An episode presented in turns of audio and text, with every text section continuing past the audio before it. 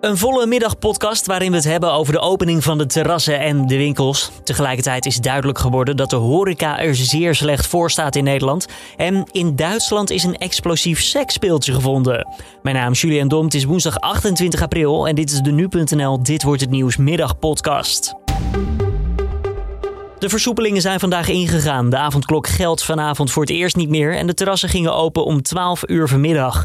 Op veel plekken stonden de mensen al ver voor 12 in de rij. En hier en daar werd het personeel bij de opening begroet met applaus. Zoals hier in Groningen, hoor je bij RTV Noord. Euforisch.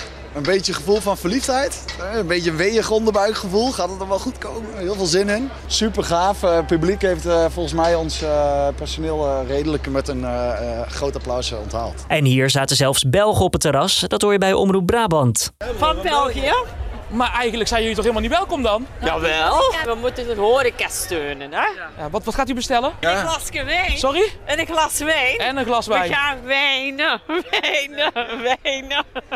Ook de winkels mochten hun deuren weer openen voor mensen die toevallig langskwamen zonder afspraak.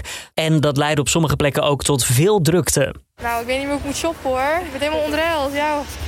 ja, ik weet niet hoe het moet meer, maar het is wel druk overal.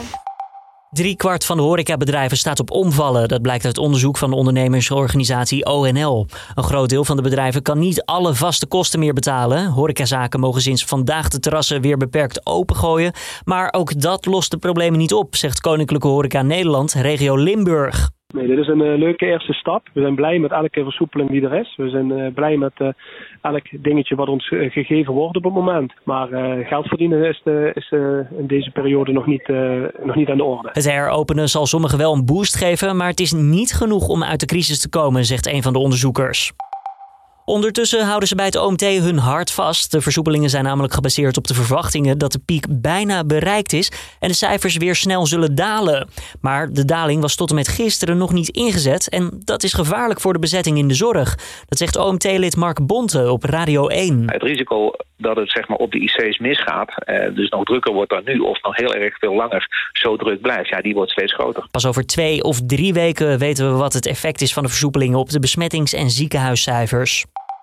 De bouw van een nieuwe Kuip is een flinke stap dichterbij gekomen. Feyenoord meldt dat er een akkoord is voor een business case. Als er in het nieuwe stadion gespeeld kan worden, dan gaat Feyenoord er vanaf seizoen 2025-2026 ruim 7,5 miljoen euro op vooruit, meldt de Rotterdamse club op haar website. Het nieuwe stadion moet gebouwd worden aan de Maas, vlakbij het huidige stadion, en moet in totaal plaats bieden aan 63.000 toeschouwers. En dat zijn er 10.000 meer in vergelijking met de capaciteit van de huidige Kuip in Rotterdam. Zo'n 1500 miljard euro, dat wil de Amerikaanse president Joe Biden gebruiken voor een nieuw economisch steunpakket. Het geld moet naar onderwijs, kinderopvang en belastingverlagingen gaan. Het geld moet natuurlijk ook wel ergens vandaan komen en de president wil daarom belastingontwijking door rijke Amerikanen en grote bedrijven steviger aanpakken.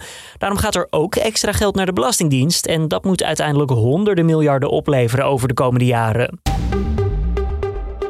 Dan weer van Weerplaza. De bewolking neemt vanuit het zuiden steeds verder toe. Het blijft op veel plaatsen de rest van de dag wel droog. Alleen in het zuiden een kleine kans op een buitje. Vannacht ligt de minimumtemperatuur rond de 5 graden. Verder slaat de boel dan morgen om. Veel bewolking, buien, mogelijk zelfs een klap onweer. En de maximumtemperatuur ligt dan rond de 13 graden. Ja, een explosief speeltje heeft nogal voor wat hijza gezorgd in Duitsland. Een jogger dacht een granaat te zien liggen in een plastic zak in het bos. Ze belde vervolgens de politie die snel ter plaatse kwam. Maar na kort onderzoek bleek het niet om een echt explosief te gaan, maar om een zwart gekleurd seksspeeltje in de vorm van een granaat. Verder zaten er ook nog twee ongebruikte condooms in de plastic zak, glijmiddel en een USB-kabel. Ja, agenten hebben de boel veilig weggegooid en de situatie wordt niet verder onderzocht.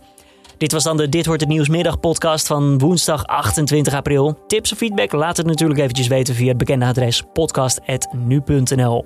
Mijn naam is Julian Dom. Ik wens je voor nu een fijne avond. Tot morgen weer. Ochtends is collega Carne van der Brinken natuurlijk om 6 uur met het nieuws van dan op nu.nl en in de app. En ik spreek je smiddags weer rond een uur of 5 à 6.